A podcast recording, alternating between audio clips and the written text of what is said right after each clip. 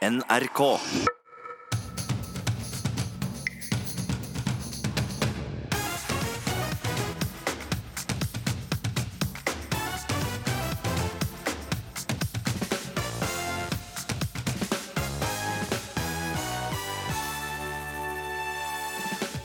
Bli med på bompengeavtalen eller gå ut av regjering. Ja, det sa statsminister Erna Solberg i går kveld, og fikk til slutt med seg et motvillig Venstre.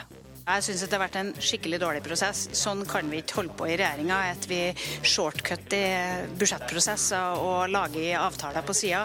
Men eh, hvordan kunne bompengerabaldere gå så langt? I thought it was not a nice statement the way she blew me off because she's blowing off the United States. Alle lo da Donald Trump prøvde å kjøpe Grønland tidligere i uka.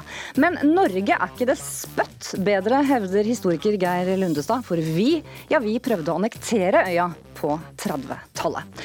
Så skal vi høre at stadig flere veteraner får avslag om erstatning, ifølge Veteranforeningen. Odd Forseth han sliter 40 år etter at han var FN-soldat i Libanon. Har liksom følt hele tida at jeg aldri kan gå med hodetelefoner eller hette. Føler hele tida noen som er etter deg. Forsvarsministeren møter Veteranforeningen om litt. Velkommen til ukeslutt, hvor vi også denne lørdagen spør er årets valgkamp blitt mer som et realityshow. Ekspolitiker og reality-deltaker Per Sandberg og Hasse Hope fra X on the Beach, de kommer til oss. Mitt navn er Synnøve Svabø. Vi åpner rett og slett med lyden av valgkampen. Den har økt til stadig høyere volum den siste uka, og et drama altså som vi har kunnet følge minutt for minutt de siste døgnene med et foreløpig punktum i går kveld. Først et nytt kapittel i bompengedramaet i regjeringen. Bompengekniprat. Bompengeproblematikken. Bompengekrisen. Bompengebråket. Har det å gå ut av en regjering vært et tema i samtalen hos dere? Nei. Eh, og Hvordan det da skal håndteres videre, det må nesten statsministeren eh, ta stilling til. Det må vi bruke litt tid på, for dette er jo et område hvor alle de fire partiene har sterkt engasjement. Ja, etter flere runder med forhandlinger så lå altså statsminister Erna Solberg i går kveld frem et forslag til løsning på regjeringens bompengeproblem. Frp og KrF gikk raskt med på forslaget, men vi måtte altså vente noen timer på et ja fra Venstre. Magnus Takvam, politisk kommentator her i NRK. Hva ble de fire regjeringspartiene egentlig enige om i går kveld? De ble jo enige om en bompengeavtale etter mange måneders konflikt. Det tror jeg hele nasjonen var glad for. Og når det gjelder selve avtalen, så inneholdt jo den en masse punkter. Det viktigste var at man nådde en balanse mellom å redusere utgiftene til bompenger på den ene siden, som særlig Frp er opptatt av, og økt satsing på kollektivtrafikk, som Venstre har vært mest opptatt av i denne sammenhengen. Og så ble det formuleringer om dette nullvekstmålet, som betyr at veksten i trafikk inn til de store byene skal skje på andre måter enn ved biltrafikk, altså ved sykkel, gange og kollektiv. Der fikk Venstre mener de, de garantiene som de trengte for at det målet nås. Så i sum var det det som, som gjorde at det ble en avtale, pluss at Erna Solberg satte seg på dem så å si, og krevde at nå må, nå, nå må vi slutte dette her. Et slags kabinettspørsmål til egne regjeringspartnere? Ja, Det gir i hvert fall assosiasjoner om et kabinettspørsmål, et ultimatum om du vil. Det, det veldig spesielle var at hun og Høyre da, lagde etter forhandlinger der de ikke klarte å bli enige på, på bakrommet partilederne imellom om en avtale, så sa hun ok, da lagde hun et utkast eller et forslag til avtale og sa at det er dette vi går for. De som vil bli med i regjering videre, må kjøpe den avtalen. Og sa det før hun i hvert fall formelt visste om de tre andre partiene var enige eller ikke offentlig på TV ut til nasjonen. sånn at Det er noe som aldri har skjedd før. Og så hørte vi da underveis i pressekonferansen at det ene etter det andre partiet, Frp og KrF, eh, meldte at de godtok det. liksom På lufta ble det sagt. ikke sant? Og så Venstre kom noe senere. Dette utspilte seg minutt for minutt for åpen scene. Hvordan kunne statsminister Erna Solberg la det gå så langt, to uker før et valg? Nei, det er det all grunn til å stille spørsmål ved. og eh, når man nå fikk en løsning, så er jo spørsmålet om man ikke burde brukt disse musklene før. Fordi eh, det har jo seilt opp en intern konflikt i regjeringen om dette i, eh, siden bompengepartiene vokste så, så, voldsomt på meningsmålingene, så var dette en sak som alle så brant under regjeringen. Så det er all grunn til å spørre om ikke Erna Solberg burde lagt til side sin sedvanlige strategi om å la tiden ta tiden til hjelp og mørne liksom, partene, og heller eh, på et tidligere tidspunkt skjært igjennom. For dette har jo, Vi får se hvordan resten av valgkampen blir, men det har i hvert fall på mange måter ødelagt valgkampen på mange måter ved at dette har blitt så totalt dominerende tema, mens jo man driver med masse andre ting i kommunene som, som ikke har kommet så godt fram. Takk til deg, Magnus Takvam. Og vi skal selvsagt ganske straks snakke mer om bompenger.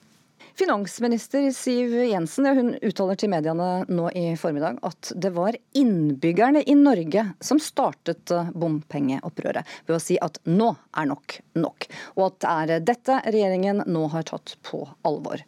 Men andre rundt i landet ja, de eh, mener at bompenger slett ikke har vært den viktigste saken, og har tatt altfor mye fokus i årets valgkamp.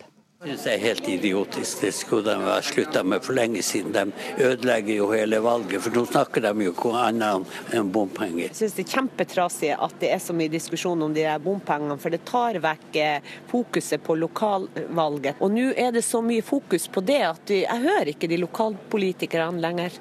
Og det syns jeg er kjempetrist. Nei, det, jeg syns det er unødvendig, den kranglinga. Det er helt det, det må jo være noe annet de kan diskutere de her partilederne i de debattene, så har det vært bompenger opp og ned. Og det er sånn jabbe, jabbe, jabbe hele tida. Så du er lei? Ja. Jeg syns ikke det angår oss her oppe i Finnmark. Det er en krangel og diskusjon de har sørpå som begynner å bli litt latterlig nå. Bompenger, vi vil ikke ha det. Det er synd i søringer som har det. Ja, klar tale fra nord.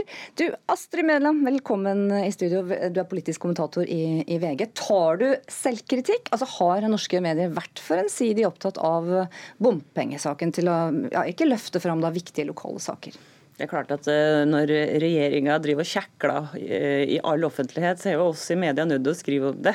Som oftest er det jo slik at de holder på på bakrommet og river ut øynene på hverandre. Det får oss jo aldri vite av oss andre. Og Det er jo det som er hele poenget med å ha en flertallsregjering. Da skal de liksom bli enige eh, i det skjulte, og så skal de komme ut med en fantastisk pakke og fortelle til oss. Men nå er det jo omvendt. De har krangla og krangla og krangla, og det må jo media selvfølgelig dekke. Ja, men altså har ikke mediene luktet blod i ukevis og kvesset klør klørne, og også kanskje selv da stått for meste av regien på denne dramatikken?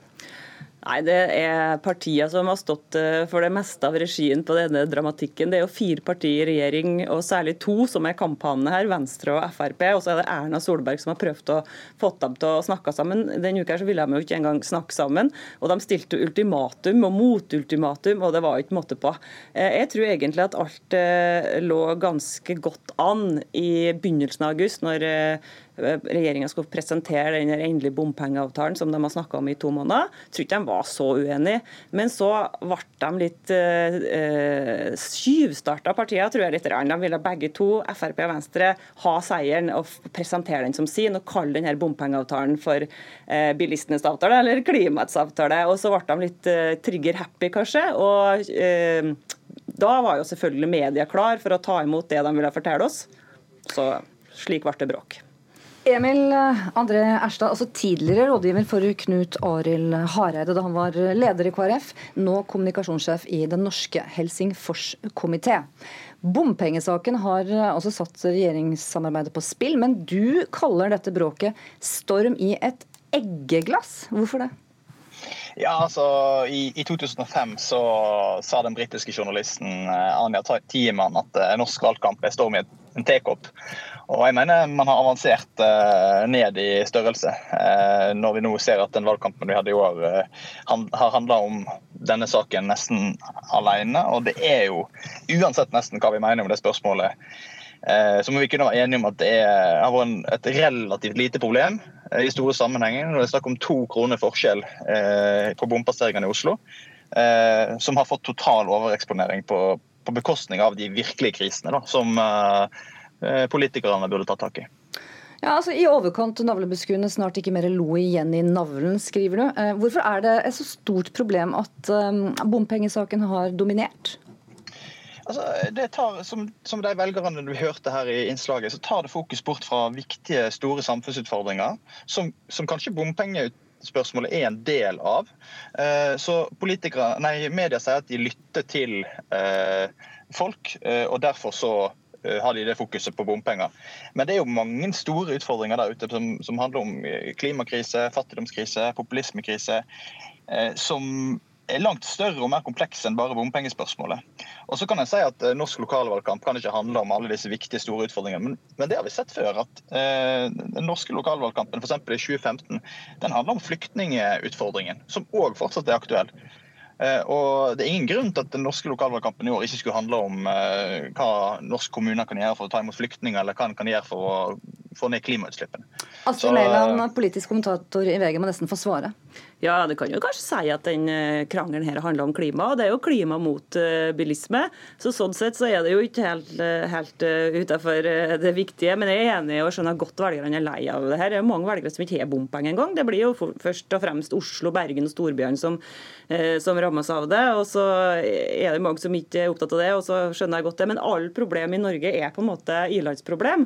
Og det er i hvert fall alle problemer i en lokalvalgkamp. Det handler ellers om skolemat, om den skal være gratis om SFO skal være gratis. Det handler om uh, lokale veier, om skolesammenslåinger og de nære ting. og Det er kjempeviktige ting, det er ikke noe med det. Men, men bompenger er jo en av de tingene som er sikkert like viktig for, eh, for, mange som skolemat. Ja, men Erstad, du ser det. Lokalvalg handler jo veldig ofte om lommeboka til folk. Ja, det tror er, det, det tror jeg er en sånn karikering. og litt, Jeg kaller det intellektuell latskap. da. Fordi De vanskelige spørsmålene å ta stilling, ta stilling til, f.eks. flyktningutfordringen, eller hva norske kommuner kan gjøre for å ta imot uh, menneskerettighetsaktivister på flukt i, i Europa. Eh, det er jo litt sånn komplisert spørsmål å ta stilling til. Bompengespørsmålet er veldig sånn ja eller nei. Kjempeenkelt. Eh, veldig små, små ting. Og det, Da begår man liksom en litt sånn Jeg tror man karikerer velgerne og, og liksom problemstillingene litt. da. Eh, det blir litt for enkelt. Eh, og jeg tror at velgerne helt fint kan bli, bli bydd på litt mer substans og, og komplekse spørsmål i, i en lokalvalgkamp. Astrid Mæland, som vi så i 2015. Som vi så i 2015. Astrid Mæland, du har sagt altså om årets valgkamp at de castingansvarlige i realityserien X on the Beach kunne ikke ha gjort det bedre. Hva er det du mener er helt til slutt uh, likheten mellom reality-TV og denne valgkampen? Så jo litt ut som en reality-regjering, Solberg-regjeringa nå denne uka her. De har krangla for åpen scene. Det ser ut som de vil rive ut øynene på hverandre. Og spørsmålet er blir det krangling i huset i kveld òg?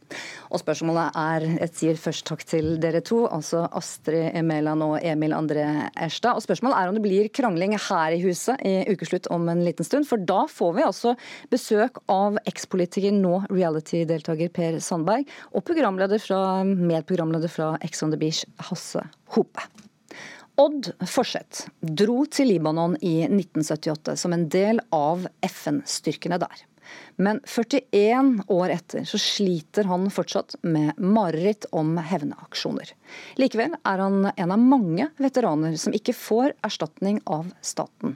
Og veteranforeningen SIOPS ja, de ser en tendens nå til at veteraner som søker erstatning for psykiske skader, stadig oftere får overslag.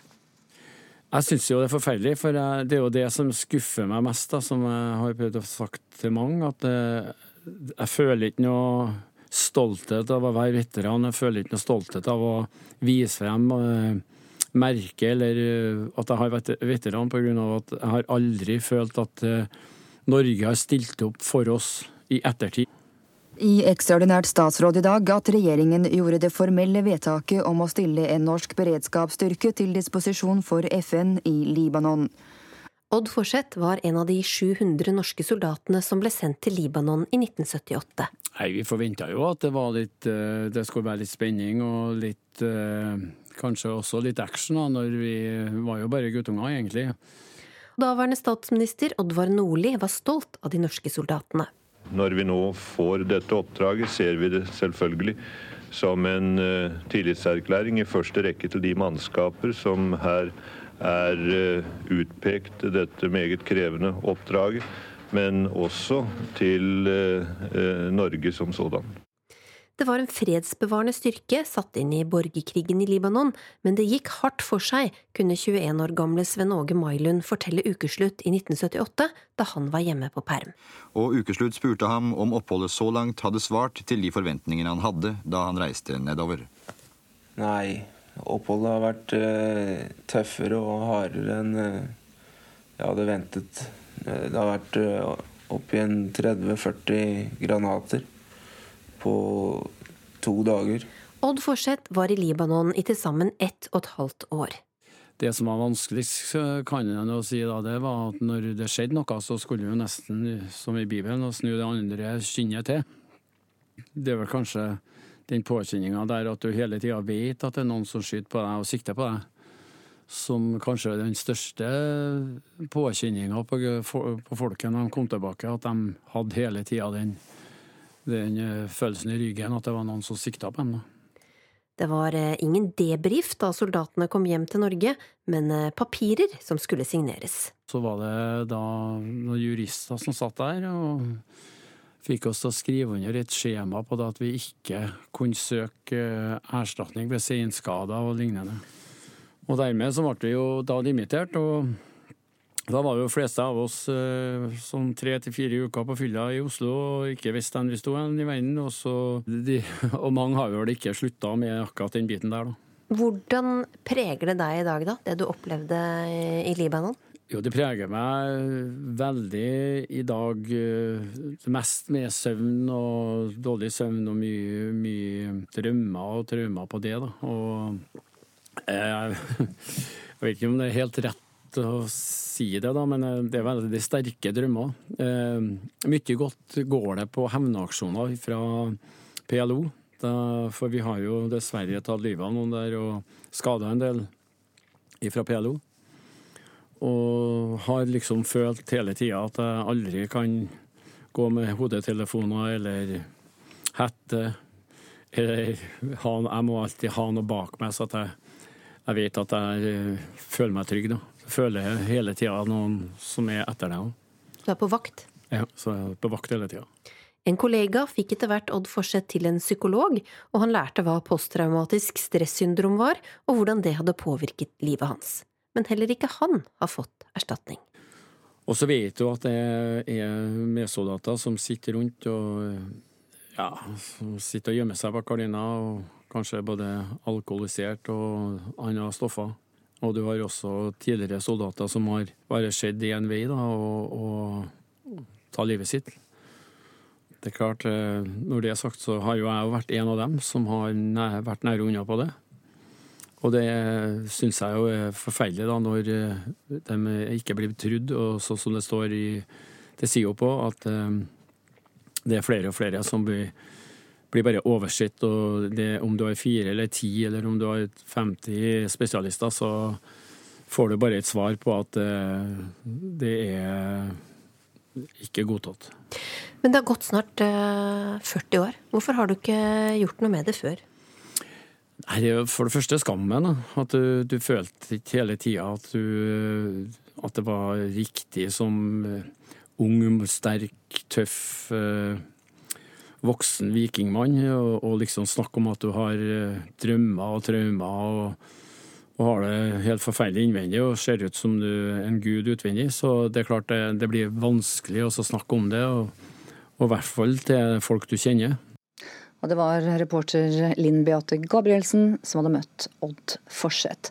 Veteranforeningen møter straks forsvarsminister Frank Bakke-Jensen her i Ukeslutt til debatt. For noen få minutter siden så hørte vi Libanon-veteran Odd Forseth, som fortalte altså om store psykiske problemer 40 år etter at han var i tjeneste i Libanon. Nå har vi med oss forsvarsminister Frank Bakke-Jensen. Velkommen til ukeslutt. Takk skal du ha.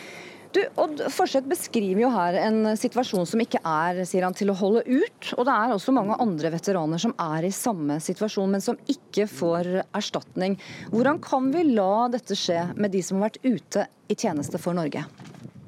Ja, for det første så er eh, altså Erstatningsordninga er jo noe som er ganske nytt. Eh, vi har de siste ti årene tatt eh, denne type problematikken på, på alvor. Vi har etablert en erstatningsordning for, for, veteranene. Veldig mange veteraner har fått, fått erstatning. Vi har brukt nesten 1,5 milliard i erstatning på, på veteranene våre. Så er det noen som, som, som detter utenfor, ikke blir, blir godkjent. Vi har satt ned et utvalg for å, å gjennomgå erstatningsordningen, kriteriene for å få erstatning, rett og slett for at vi fikk mange eh, historier som vi ikke kunne gi, gi gode svar på.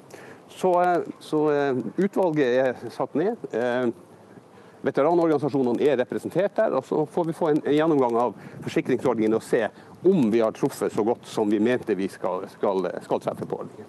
Ja, altså Du sier du har satt ned et utvalg, men hva tenker du selv, forsvarsminister, etter at du har hørt reportasjen nå om Odd Forseth? Eh, mener du det er riktig at han ikke bør få erstatning når han lever eh, med disse traumene daglig, som han har fått etter å ha vært på oppdrag for nettopp Norge?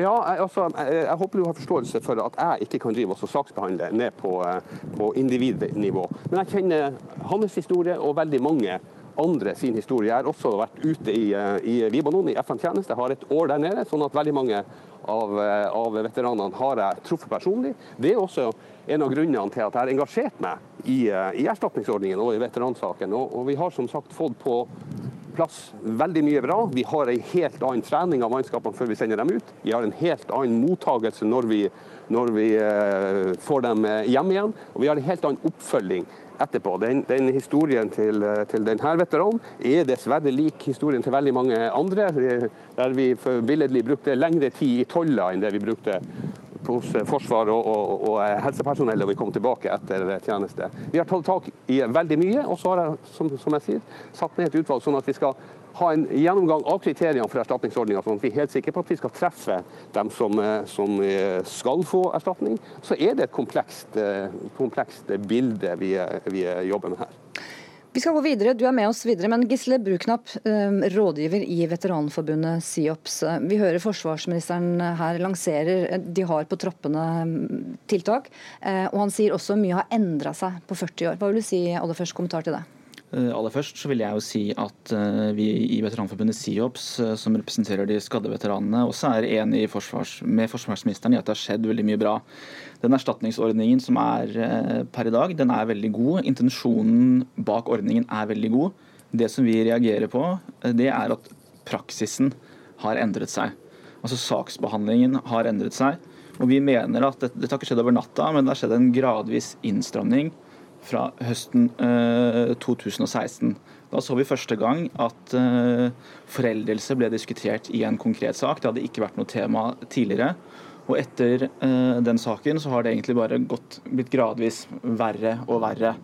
Når det gjelder utvalgsarbeidet, så er vi veldig positive til det. Vi bidrar også med en representant inn i det utvalgsarbeidet. Men uavhengig av utvalgsarbeidet så er dette problemstillinger som er reelle og aktuelle, og det har de vært i flere år allerede. Og Vi er selvfølgelig positive, men vi er også veldig utålmodige, for dette her skaper veldig mye unødvendig uro og bekymring i veteranmiljøet. Uro, uh, unødvendig uro, uh, sies det her, forsvarsminister Frank Bakke-Jensen. Ja, altså Det er jo den uroen som gjør at jeg har uh, tatt grep. Og det er, et, det, er ikke et, utvalg som kommer, det her er et arbeid som pågår. rett og slett for at Vi skal, vi skal, vi skal ha svar når det stilles uh, gode spørsmål i forhold til uh, erstatningsordningen. Gisle Bruknapp, du skriver altså en ytring på nrk.no denne uken at veteraner stadig oftere får avslag på erstatningen. Hva, hva er grunnene til at de ikke får nettopp denne erstatningen? Så Vi påpeker i kronikken så er det to hovedutfordringer som veteranene møter. Eh, den første er rett og slett at veteranene opplever at de ikke blir trodd. Altså De kan ha spesialisterklæringer som konkluderer med at tjenesten er årsaken til de psykiske plagene, men dette blir ikke tatt hensyn til. For det andre så ser vi også at eh, foreldelse blir diskutert i flere av disse sakene. Og dette til tross for at det har kommet lovnader fra Forsvarsdepartementet at foreldelse ikke skal være et tema dersom vilkårene for erstatning ellers er oppfylt. Um, veteraner får hjelp fra Nav og helsesystemet hvis de blir syke. Hvorfor uh, er denne um, erstatningen så livsnødvendig? Altså den, det, er jo, det er jo en kompensasjon. Det er en kompensasjon for Eh, tapt eh, inntekt og eh, tapt framtidig inntekt. Og Det er også en viktig anerkjennelse og erkjennelse av at krigen har noen kostnader. Altså Når vi har råd til å sende soldater ut, så skal vi også ha råd til å ivareta de som får problemer i etterkant. Takk for at du deltok, Gisle Bruknapp fra veteranforbundet SIOPS. Og eh, avslutningsvis, eh, forsvarsminister Frank Bakke-Jensen. Et blikk nå til eh, vår, um, vår eh, neste sak. For um, vi skal altså straks snakke om USA og Grønland i ukeslutt. Og Nato-USA-ekspert Svein Melby han sa til Nettavisen i går at Norge nå må vurdere, revurdere vår sikkerhetspolitikk etter Trumps opptreden overfor Danmark, fordi det står tvil om Trump og amerikanerne vil stå ved sine allianseforpliktelser i en krisesituasjon. Bør vi være eh, bekymret for dette, forsvarsminister? Så vi lever jo i en dynamisk verden, sånn at dette er ting vi vurderer hele tida. Men det, som det er viktig også, også eh, se til utspillene fra den amerikanske presidenten, er det også viktig å se hva USA gjør. Og USA er altså mer til stede både i, Nato-alliansen og i Europa for å trygge freden. Sånn at eh, Vi følger med, vi gjør våre vurderinger. Men det er altså et litt bredere bilde enn akkurat noen tweeter om at man har lyst til å kjøpe øy. Hjertelig takk for at eh, du var med, Frank Bakke-Jensen fra Senja denne lørdagen. Og takk til deg også, Gisle Bruknapp. Det har blåst opp til diplomatisk kaos mellom USA og Danmark. For denne uken så avlyste den amerikanske presidenten besøket sitt til Danmark. Fordi han ikke får kjøpe Grønland. Og lot med dette også dronningen i stikken. Jeg synes helt ærlig at det er litt barnlig at han ikke kommer til Danmark fordi han ikke kan få lov til å kjøpe øh, Grønland. Man kan jo ikke gå inn og kjøpe et, et folk, eller kjøpe en et folkefærd, altså Grønland, det, det, det er underligt. Barnagtigt. Ja. Ja. Det er liksom at øh, når man nægter et barn, som, som alltid har fått sin egen vilje, så barnagtigt. Men nettsidene til Visit Grønland ja, de øh, gnir seg i hendene, for de har altså aldri hatt så stor pågang som nå, etter at USAs president Donald Trump også måtte tåle å bli kontant avvist av Danmarks statsminister Mette Henriksen, som hun sa et absurd spørsmål. I thought it was not a nice statement the way she blew me off because she's blowing off the United States and we've done a lot for Denmark.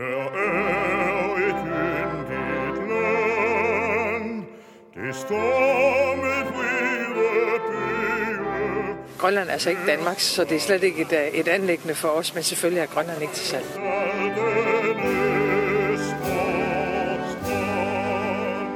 Denmark, I looked forward to going, but I thought that the Prime Minister's statement that it was absurd, that was a, it was an absurd idea, was nasty. I thought it was an inappropriate statement. All she had to do is say, no, we wouldn't be interested.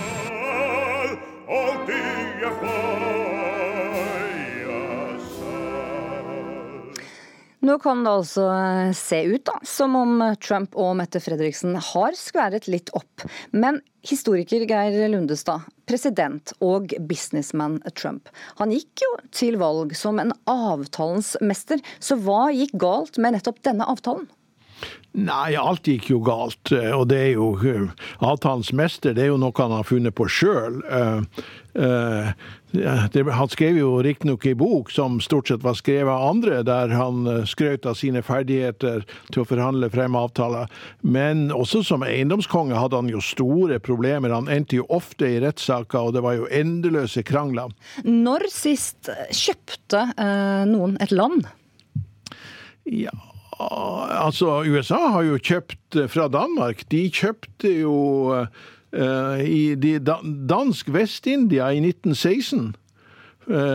Så det er siste gang Danmark har solgt til USA. da. USA har jo kjøpt Alaska, og de har jo kjøpt Louisiana. Det som het Louisiana, det var jo stort, størstedelen av USA vest for Mississippi det kjøpte de jo av Napoleon i 1803, så dette var ikke en sånn helt uvanlig måte å gjøre det på før da. Men det er klart at nå i den moderne verden så er det jo folkesuverenitet og demokrati. Det er jo ikke sånn at uh, to regjeringsledere bare blir enige om et uh, beløp, og så plutselig har et land fått en ny eier. Det, det er gått helt ut av bruk. Anders Buchardt, du er eiendomsutvikler, som herr Trump i sin tid, og, og, vant til å dra i land de helt uh, store avtalene.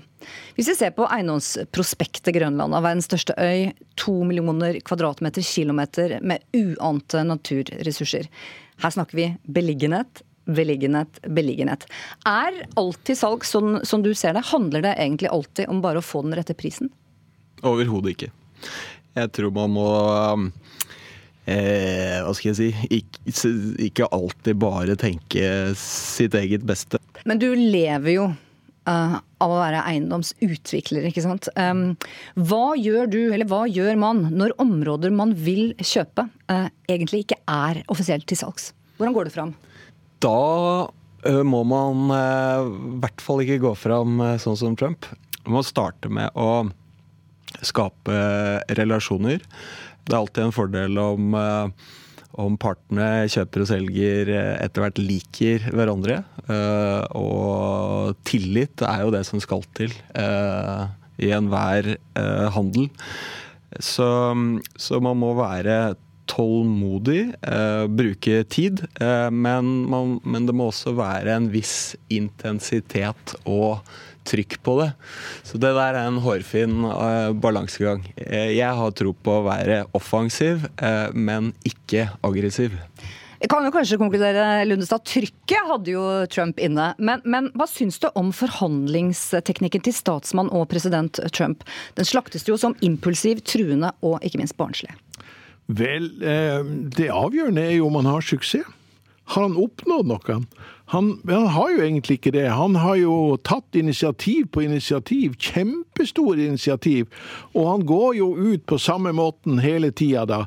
Han annonserer en eller annen kjempestor overskrift og i de mest bombastiske formuleringer, og en forventning om at nå skal dette løses. Han skal løse handelsproblemene med Kina. Ja, ja, ja. Dette er lett, og det kan godt hende det blir en handelskrig, men en handelskrig, det, det går fint. Det går helt fint.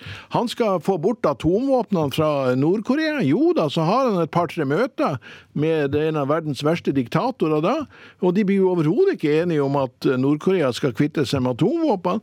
Så forteller han jo Iran da at nei, dere må slutte med alt det dere holder på med rundt om i diverse land, da, så dere må legge dere på en helt annen profil, helst eh, foreta et regimeskifte. Det er jo sånn han går frem, i de største formuleringene, men han har jo veldig lite å vise til. Men du, hva hadde skjedd hvis Trump og USA hadde i stedet annektert Grønland, slik Russland annekterer Krim? Det er jo bare ett land som har gjort forsøk på å annektere Grønland, og det er jo Norge. det skjedde jo på 30-tallet. Norge skulle jo annektere Øst-Grønland og det endte jo opp i Haag for Den internasjonale domstolen, og et heidundrende nederlag eh, for Norge, da. Så presedensene for å annektere Grønland er jo ikke de beste, og det er jo ikke sånn man gjør det. Eh, altså, Trump, eh, han han, han, har jo sin spesielle stil, men han ønsker ikke krig. Han er redd for krig, og han er spesielt redd for konflikter nå når det nærmer seg valgår. Han trekker jo styrker ut eh, i Syria og i Midtøsten, og han vil ut av Afghanistan og sånne ting. Sånn at det å, det å på en måte eh, annektert Grønland eh, gjennom amerikanske militære styrker, det ville jo ikke ha vært noen sånn stor militæroperasjon, men det, det, det det, det ville vært fullstendig dødfødt, ikke minst i USA sjøl. Anders Buchardt, eiendomsutvikler. Jeg må spørre deg helt til slutt. Du er jo nærmest på en befaring her og en visning her i NRK, fordi du sikler jo på NRK-tomta. Lærer du noe av Trump, eller blir det annektering? Hva kan vi forvente oss? Eh, ja, man kan lære mye av Trump, men det går jo på å heller gjøre kanskje det motsatte av det han gjør. Og velge en helt annen tilnærming til ting. Så han er, får jo illustrert gang på gang hvordan det ikke skal gjøres. Så jeg tror man må, man må skape begeistring, få folk eh, med seg. Og man må gjøre motparten eh, må kjenne seg trygg. Og, og så må man liksom bidra til at at den som skal ta beslutningen, eh, den eh, kjenner at den har, eh, har oppslutning og, og, og, sine nærmeste, om det er ansatte eller om det er befolkningen eller om det er et styre, at de støtter opp om ja, opp om et eventuelt salg. da. Takk for at du kom hit til Ukeslutt, og takk til deg også, Geir Lundestad, historiker. Og vi kan vel kanskje trygt konstatere da at Trump han har vel ikke akkurat høynet aksjene sine for å få en nobelpris etter dette? Nei, men du vet, det viktigste for han det er jo valget i 2020. Jeg tror ikke dette her var noen genistrek heller i, i, i den sammenheng, men han har gode muligheter til å bli gjenvalgt. TV-høsten den sparkes eh, nå i gang på de ulike kanalene, med premiere på ulike reality-konsept også. Og parallelt så går valgkampen, som mange mener ligner mer og mer på en reality-serie, skal vi tro flere av landets politiske kommentatorer. Er de politikere eller reality-deltakere i en sirkusmanesj, spør Bergens Tidende, mens VG på lederplass omtaler Solbergs regjeringsprosjekt som Reality-regjeringen 2, og hevder at ukens intriger ja, de viser at de castingansvarlige i Ex on the Beach ikke kunne gjort det bedre. Nå starter Ex on the Beach! Hva skjer nå? Jeg veit ikke hvordan denne kvelden kommer til å gå. Jeg tror det blir blir mye dramatikk. Jeg er ikke hvem som helst. Hun er b... Det gikk du imot, Trygve, så jeg lurer på hvorfor du står der og berter deg nå. Fordi du er Men jeg får til mer med herrene enn du fikk til med dere. La meg snakke ferdig nå, da. Poenget er i perioden som kommer Den der er punktert. Den er ikke punktert. Den står i statistikken. Men poenget Men nå er det så mye krokodilletårer her. Programleder, kan ikke jeg få bringe det litt edruelighet inn i denne debatten? Nå er det i gang.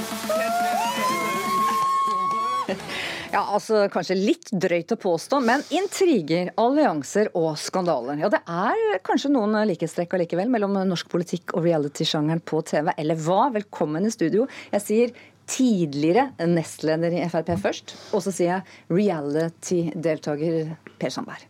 Hva tenker du? Jo, jeg er både enig og uenig. Men altså reality det skal jo være noe som er ekte. da.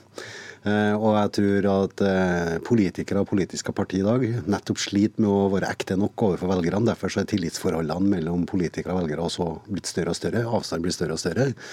Eh, fordi at man ikke har et ekte grunnlag. Men alle intrigene og kranglene og konfliktene kan jo ligne på et kvart reality-program, selvfølgelig. Du kommer, du er ikke mye svett, men du er så uh, altså, Hvor mange kilo har du gått ned nå på, på um, dansetrening og det du har vært med på? Du kan jo få vri skjorta mi, da. Jeg kommer rett ifra trening nå, så jeg har fått igjen pusten akkurat nå. Nei, altså totalt over eh, snart to år nå, så har jeg vel eh, tapt en eh, nærmere 6-27 kilo. Nå har jeg jo gått litt opp da de siste ukene her, men eh, nå er jeg inne i den tiende dagen med trening på Skal vi danse, så jeg krymper kanskje litt der. Premiere neste lørdag, altså. Du har byttet ut valgkamp og er med i ikke mindre enn tre show framover. Skal vi danse på lørdag på TV 2, Farmen kjendis kommer neste år, også Charterfeber på TV 3. Um, savner, har du ikke, helt ærlig, har du ikke savnet norsk politikk denne høsten? Jeg har ikke eh, noe særlig abstinenser, men det er klart at jeg har jo vært med litt. Jeg har jo skrevet noen kronikker, vært med i ulike debatter. Eh, ekspertkommentator i enkelte sammenhenger har jeg også vært. Jeg skal være med på valgsendinga framover nå mot 9.9, så jeg får jo utløp for den lille trangen jeg har til å snakke politikk ennå, da. Og det er klart at jeg kjenner jo på det når jeg leser nyheter og følger med, at jeg har hatt veldig lyst til å vært med. Eh, for jeg tror jeg faktisk jeg har mye mer å bidra med etter tolv måneder utafor den politiske bobla, enn jeg hadde når jeg sto i bobla. Og Derfor har jeg sagt flere ganger også, anbefaler flere politikere å ta seg en kikk utafor bobla. Du, Vi skal snakke mer, men Hasse Hope um, er også med oss. For denne uka var det premiere på sesong to av X on the Beach på Dplay. Det er altså et konsert hvor åtte enslige menn og kvinner fester hemningsløst med og uten klær på, før altså en ekskjæreste skylles til land og lager drama og en triger. Og Hasse Hope, du er også programleder for en slags sånn oppsummering et, etter sendingene. da, og um, um, hva tenker du, har man rett i, som VGs Astrid Mæland sa, at eh, regjeringen man, man, kunne nesten ikke gjort det bedre hvis man kasta det i Ex on the Beach? Nei, Det vil jeg absolutt si er, er helt uh, on point. Altså, det har vært omtrent like underholdende å følge med på de siste 24 timene som det var å se forrige episode av Ex on the Beach. Og forrige episode av Ex on the Beach var helt fantastisk. Så uh, det er veldig mange likhetstrekk. Altså, både med dette liksom, å lage allianser bak folks rygg og ikke minst det at hvis, altså, hvis man stiller en politiker et spørsmål som de ikke har lyst til å svare på, eller der de ikke kan si sannheten, så er jo de veldig flinke til å måte pakke det inn eller svare bare på akkurat de delene som de kan si. Og så får du på en måte servert en pakke som ikke er helt sann, men ikke er helt usann. Og det gjør det jo masse inne på, på villaen i Ex on the Beach. Hvis noen liksom har ligget med noen, og så blir de spurt har du, lå du med henne første kvelden, så kanskje de sier nja, det, det, det, ble koselig, liksom. Men det, det var Vi festa bra, liksom. Per, per Sandberg si, ja. er jo ikke samme tema, i hvert fall, men, men er det sånn politikere også gjør det, og snakker? Jo, men det er jeg faktisk enig i. Eh, og det, som jeg sa i sted, avstand eh, mellom velgerne og politikerne blir jo sånn fordi at politikerne ikke eh, holdt på å si reality når de svarer. Eh, velgerne etterlyser i større og større grad politikere som er direkte og ærlige og står for noe. Uansett hvor populært eller upopulært standpunktet måtte være, så savner velgerne dette. All respekt til politikere som står oppreist og har en ideologi i bunnen. Jeg har jo litt sånn spøkefullt sagt at vi har 169 stortingsrepresentanter nå som ikke vet hvor de kommer ifra. Ikke vet de hvor de er igjen. For vi har vet... ingen Per Sandberg? Nei, for de vet ikke hvor de skal hen heller. Og dette er og Jeg var jo veldig kritisk til eh, firepartiregjering også, og det viser seg nå. Dette blir problematisk. Man stopper opp. Vi har sett det med flertallsregjeringa tidligere. At eh, ting står helt rolig når fire partier skal lage kompromiss på all mulig slags politikk. Og Da blir det bare de små stegene man tar. Istedenfor å ta de helt nødvendige store skritt, altså flytte fjell i stedet for å sparke småstein, eh, så blir man stående i ro. Og Da blir mitt neste spørsmål kunne Siv Jensen denne eh, høsten, og selvfølgelig framover, ha trengt en eh, Per Sandberg? ja, jeg, jeg er jo en beskjeden trønder, men eh, jeg tillater meg å si at ja, jeg, jeg tror nok helt sikkert at uh, Siv Jensen ville hatt meg ved sin side under uh, det som har skjedd i høst og, og i sommer og i vår. Men jeg syns jo Siv Jensen hadde ikke noen annen mulighet enn å gjøre det hun gjorde. Hun gjorde det på en helt fantastisk måte. Nå kjenner ikke alle detaljene i dette. Men jeg tror eh, Siv Jensen og Fremskrittspartiet kommer godt ut av dette uansett. For her visste man faktisk eh, frem ganske tydelig overfor velgerne dette står vi for. Eh, Hasse Hope, vi, vi, kan vel anta at det finnes jo um, spill, uh, regissører, holdt jeg på å si, også litt skitne knep i politikken. Men, men hva tenker du at norske politikere i valgkampen kunne ha lært av deltakerne i reality? Har de noe å lære? Om de har noe å lære? Altså, eh, Det har de helt sikkert. Altså, jeg tenker jo Noe av det som gjør at eh, man på en måte glemmer litt at de, at de folka inne på, i villaen i Exxon Beach lyver og ligger og gjør masse greier, er at de har jo en fantastisk eh, de har veldig fine kropper. Veldig godt trente. Så jeg tenker jo hvis alle politikerne la seg i og liksom begynte å trene like hardt som Per Sandberg, og fikk liksom sixpack og litt solarium og sånn, så ville jo man etter hvert bare glemme alle disse andre tingene. Så mer bar overkropp og folk i Stortinget, tenker jeg. Ja, Det er litt uenig i, men, men jeg tror at å være til stede Altså at politikerne i mye større grad er der hvor folk er igjen, uansett hvilket folk det måtte være. Altså Jeg vet jo det at det er fordommer mot eh, charterfeber, bl.a. Men for meg og Bahare så var det jo helt fantastisk å få være der i fire-fem dager. Dette er ekte folk. Alt er ekte. Ikke noe juks, ikke noe tull i hele tatt. Og vi trivdes veldig godt med det. Og det at, by, at politikerne bør by på seg sjøl i mye større grad enn det vi ser nå, det er jeg absolutt tilhenger av, og det er det velgerne savner. Ja, jeg, jeg, føler jeg får et sånt nærkontakt med en politiker akkurat nå. Det er ca. en halv meter mellom oss. Og følg med nå, skal du få en utfordring. For jeg vet at det er jo dette Hør. Wienervals, mine damer og herrer. Du skal i hvit smoking eller sjakett og danse deg inn i det norske folk hjem neste lørdag. Ja, ja, ja. Hva er takten? En, Ja, ja. eh, Vi det med å telle takt og sånne ting, det, jeg må bare høre på musikken. For jeg har ikke rytme, jeg har ikke balanse, jeg er tonedød. Så dette må jeg bare ta på feelingen, ikke sant. Men jeg holder på å trene på den andre dansen, og det er mye verre. Det er jive. Eh, Jive, ja. Jailous Rock med Elvis Presley, vær så god. Så jeg bare er stiv fra tærne og helt opp til lysken fordi at jeg holder på å trene på det nå. Så eh, jeg tror nok Men, men wienervals Jeg trodde jo at jeg kunne Eller jeg hadde dansa vals før, da. Men det var tydeligvis ikke det jeg hadde gjort i Trøndelag, så nå må jeg reise opp til Trøndelag etterpå og spørre hva var det vi dansa der på lokalet. Eh, Men så har jeg da en trener som er steinhard. Eh, Eva fra Polen. Her er det pisk og alt. I dag så fikk jeg til og med sånn eh, oppstrammingbelte rundt skuldre og nakke, for at jeg greier ikke å senke skuldrene. For det er jo holdningen og ramma vet du, som er viktig i Og ramma skal fram. Ja.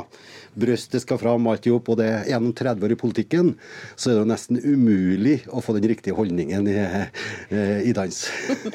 Ønsker deg da, og alle andre som har gått over til reality-sjangeren, eh, masse lykke til. Og så tenker vi også at vi ønsker deg, Hasse Hope, lykke til. Du fikk ikke lov å reise som deltakerne dine til Mauritius, men du treffer de hver, hver kveld på din videoblogg.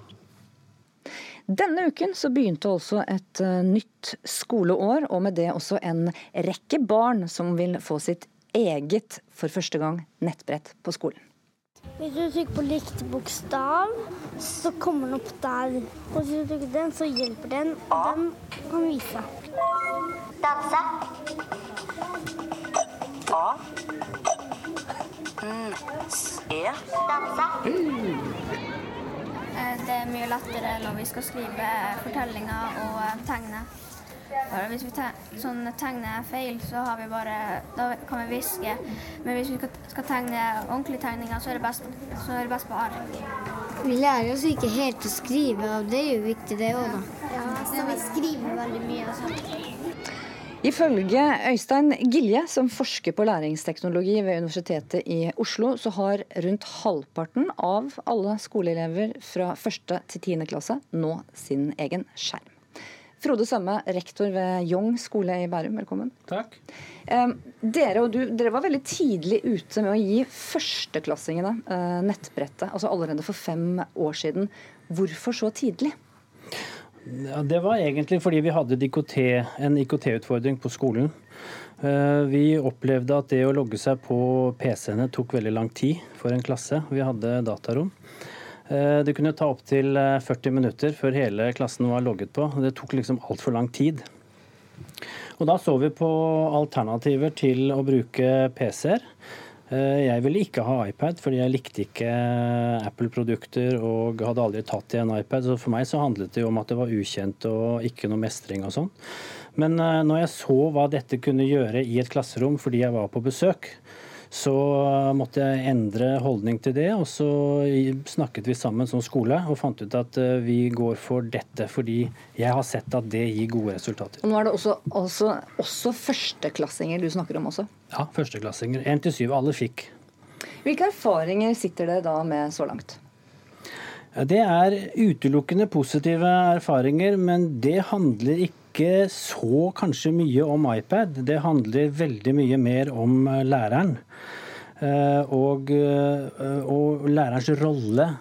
Hvordan er det læreren bruker dette som et verktøy i sitt klasserom sammen med elevene? Og, og vi ser at det er nøkkelen til å lykkes. Så det fins altså ikke noen målinger på dine elever og hvordan de ligger an i, i, i skriving? Jo. Vi gjorde en eh, undersøkelse på dette, og da så vi, sånn som i første klasse, så ser vi at, at eh, de knakk jo lesekoden mye raskere enn tidligere. Eh, 31. oktober, altså kanskje da tre måneder etter skolestart, så hadde 85% av førsteklassene knekt lesekoden. Og eh, 30. november eller 1. desember så hadde 95 eh, knekt eh, lesekoden. Og det handlet jo om læreren, men det handlet også om det teknologiske, den teknologiske muligheten vi fikk med nettbrett. Du er altså for den teknologiske, vidunderlige verden. Vi skal til psykolog Elke Rønning. Eh, Du er mer skeptisk, og eh, som psykolog så har du engasjert deg nettopp i bruken av nettbrett i skolen. Hvorfor det? Hva fører det til? Ja, jeg mener jo at innføring av nettbrett så tidlig i barneskolen er et stort sosialt eksperiment. Vi vet ikke hva det gjør med barna. Det er ikke nok forskning på effekten av bruk av en slik teknologi. Og legger vi sammen all den forskningen vi har fra hjerneforskningen, fra hva som skal til for at barn lærer å konsentrere seg, som kommer i en tilstand av flyt og dyp konsentrasjon, som har mange, mange positive effekter ved seg, så legger vi sammen all den forskningen, så det er all grunn til bekymring. Og nettopp at iPad er et verktøy som ikke støtter opp under det at barna utvikler de ferdighetene de trenger for å lykkes i en verden som går inn i en fremtid som preges av høyere grad av teknologi, større grad av digitalisering. Vi må lære barna å mestre den verden ved akkurat å styrke de ferdighetene som gjør at barna blir mestere av teknologien. At de, de klarer å håndtere teknologien på best mulig måte.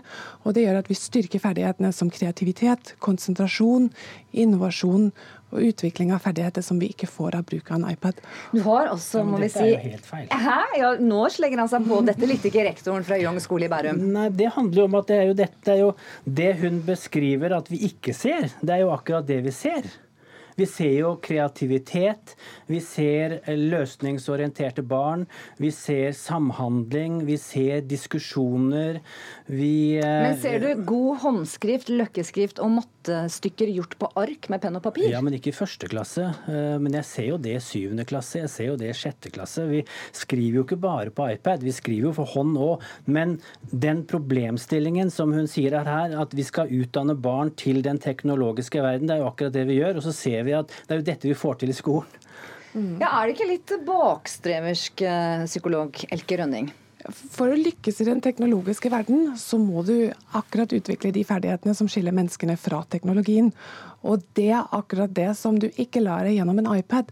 Det er de ferdighetene som du får ved å gå i konsentrasjon, ved å lære å stå i det som er tilsynelatende kjedelig, ved å konsentrere deg om å skrive fra hånd på et ark med penn og papir, for å så utvikle også det vi vet eh, gjør at nervebanene og synapsene styrkes ved at vi bruker all konsentrasjon på én oppgave og ikke blir forstyrret av at det plinger, akkurat som vi hørte innledningsvis, i iPaden i bakgrunnen. Ja, for rektor er det ikke også Nei, det er ja. ikke sånn. Det er ikke sånn det fungerer.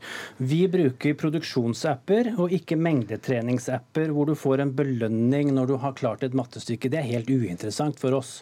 Mm. For oss så handler det mer om å bruke apper som, hvor elevene kan uh, regne, gjøre oppgaver, uh, bruke videoer. De kan eh, eh, fortelle hvordan de har gjort regnestykker gjennom video, gjennom illustrasjoner, forklare dette for andre elever.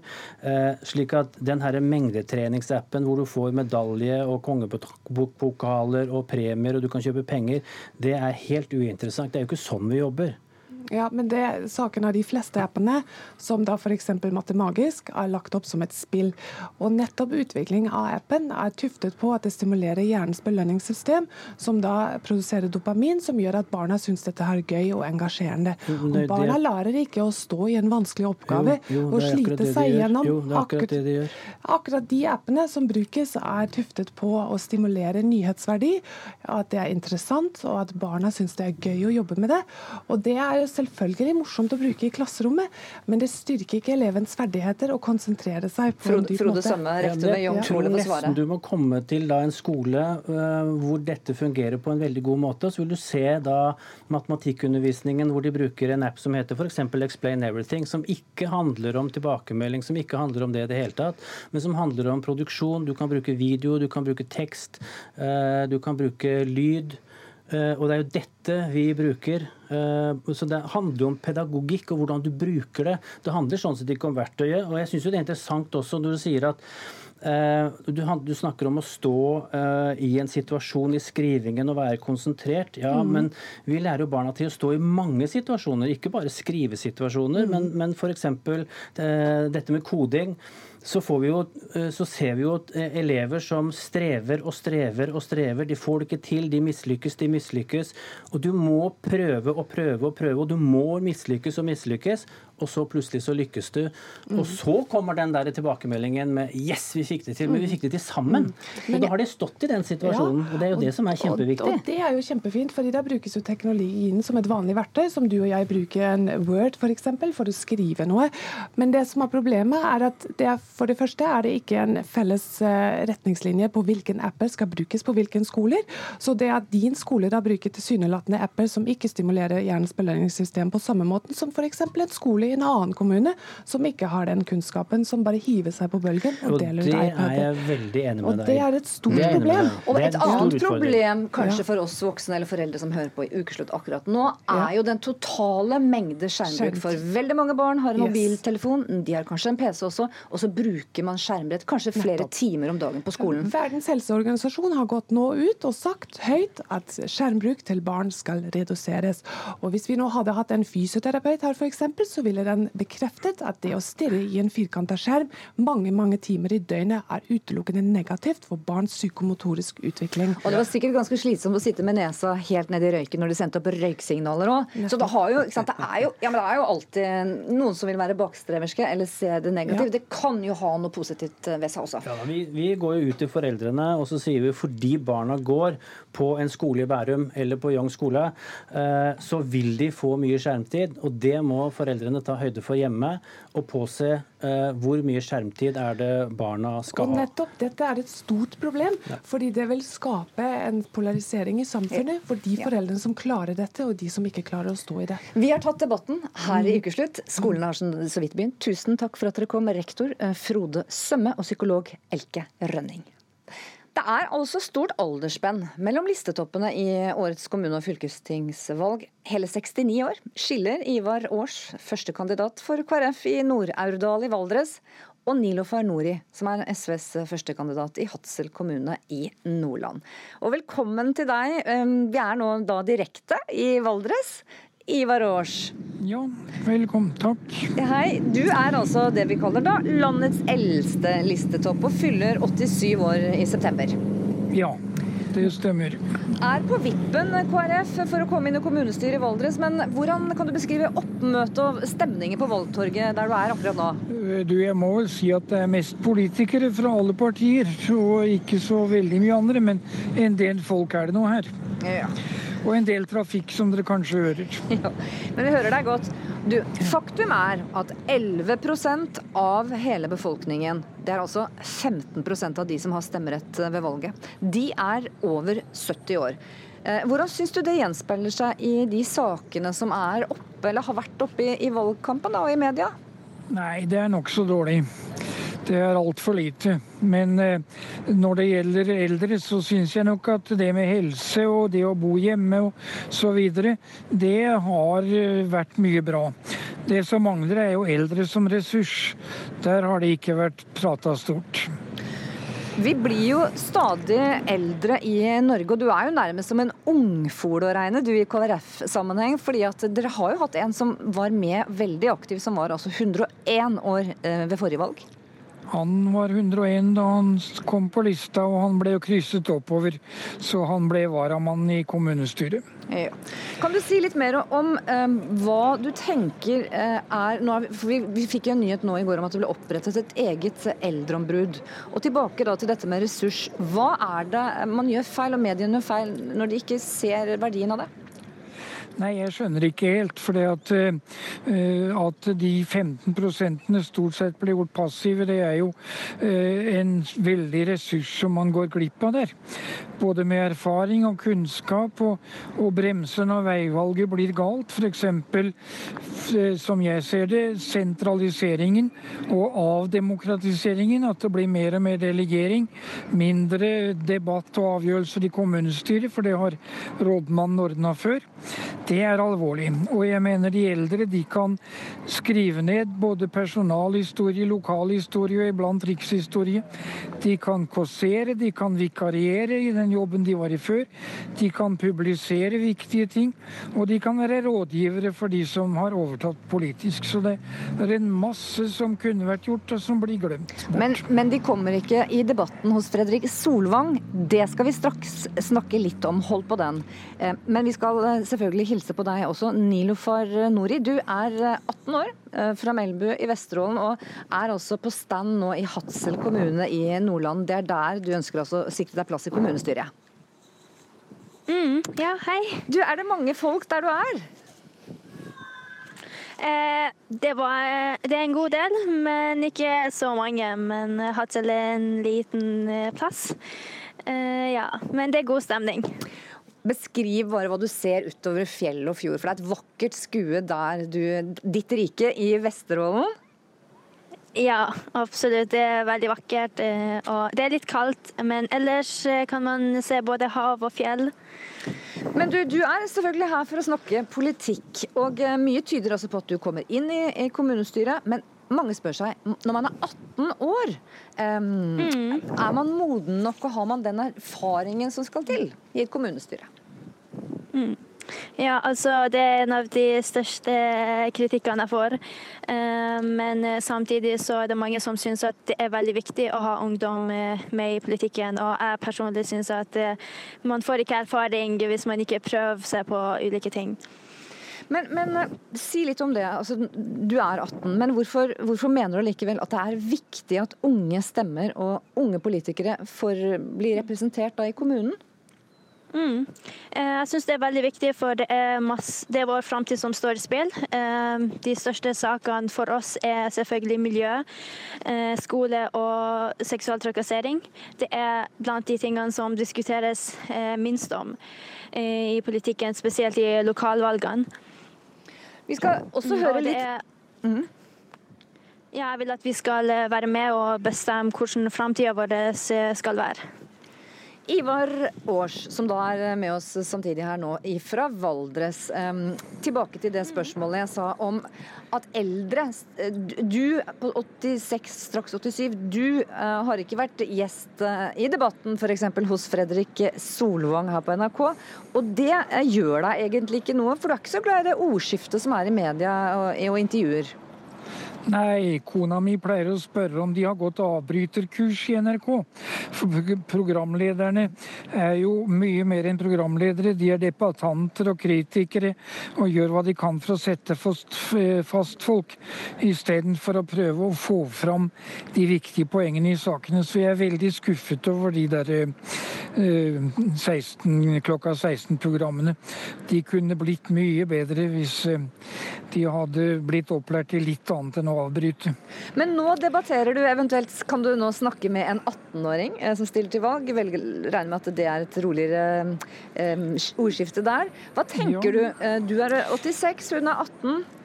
Ja, altså jeg mener når Adenover Adenauer i Tyskland og Syngman Ree i Sør-Korea kunne være statsministre når de er 89 år gamle eller var, så bør vel eh, bredden være nokså viktig. Og 18-åringer har også mye å bidra med, og eh, det er viktig at de slipper til. Det som jeg kanskje vil innvende litt, er at eh, jeg tror det er best å gå en trapp oppover og ikke hoppe alle skrittene eh, med en gang. sånn at eh, Hva legger du i det det? å få litt erfaring etter hvert, det tror jeg er viktig. For jeg har en del eksempler på unge som har blitt satt litt for høyt opp, som statssekretærer og annet, og så brenner de ut, så etter fire år så ser vi dem aldri mer. Og et talent som det vi tror vi har nå, eh, som er 18 år, hun vil kunne bety mye mer hvis hun blir tatt vare på og går trinnvis oppover, og en dag blir både ordfører og fylkesordfører. Ja, da må vi spørre Nilofar Nori, eh, 18 år altså. Eh, Har du ordførerambisjoner? Nei, det har jeg absolutt ikke. Og SV har i mange år hatt bare én representant i kommunestyret. Eh, Og jeg ville at vi skulle stille med liste i år også, og at eh, jeg skulle få en større sjanse til å komme inn i kommunestyret. Derfor står det som førstekandidat. Du har til og med sagt at hvis du blir eh, foreslått som ordfører, ja da rømmer du til skogs. Ja. Er det så mye skog oppe på Hassel, da? ja, ja, det har vi nok av. Men så, så et litt alvorlig, alvorlig spørsmål her. Altså 10% av befolkningen ja, de er mellom 18 og 25 år. Det er også, eh, utgjør 13% av de som kan stemme. Men det er jo i denne eh, gruppen flest dropper å stemme. Altså I sist kommunevalg så var det 40% Seks av ti i denne gruppen lot være å bruke stemmeretten. Hva vil du si til de? Mm. Uh, jeg vil utfordre alle til å interessere seg nok i politikk til å uh, ville også stemme. Uh, men eh, samtidig så vil jeg gi politikerne en oppgave om å prøve å få med seg flere ungdom og lage politikk som er også forståelig og akseptabelt for ungdom. Eh, som det var nevnt tidligere, f.eks. holdningen de har på partilederdebattene. Det syns jeg er rett og slett er forferdelig, for eh, det gir et eh, skremmende uttrykk til oss, og da tør ikke vi å komme fram med våre politiske meninger heller. Vi nærmer oss etter hvert nå slutten på ukeslutt, og det må jeg spørre deg og helg. Det er jo en lørdag, og Ivar Aars, du ville ikke heller brukt helgen da, til ja, å slappe av og nyte livet? Du kunne jo gjort det? Jeg kunne gjerne vært på fjell til fjells og se etter mer multer, men jeg syns dette er viktig. F.eks. så har jo eldre mer erfaring for at nærmiljøet og grenda er viktigere enn eh, å bo i byene. Og at trivsel i små skoler og små kommuner er jo påvist at det er best. Og det er også påvist hvor mye tilbud som går tapt når man slår sammen kommuner, og de minste blir taperne på lang sikt. Så det er eh, veldig viktig å være med. også slåss mot den kortsiktige økonomien. Eh, for det er mye bedre med trivsel og dugnader og kultur og natur enn å regne hvor mye kroner en vil klare hvis en kutter bort det og det. Den gamle var eldst og fikk selvfølgelig siste ordet her i Ukeslutt. Hjertelig takk til dere begge to, og godt valg i innspurten, Ivar Aars og Nilofar Nori. Og da er ukeslutt over for denne gangen. Ansvarlig for sendingen har vært Mathias Rolighet Bergseth. Teknisk ansvarlig Erik Eirik Sandbråten. Og i studio Synnøve Svabø. Og vi ønsker dere alle en god helg.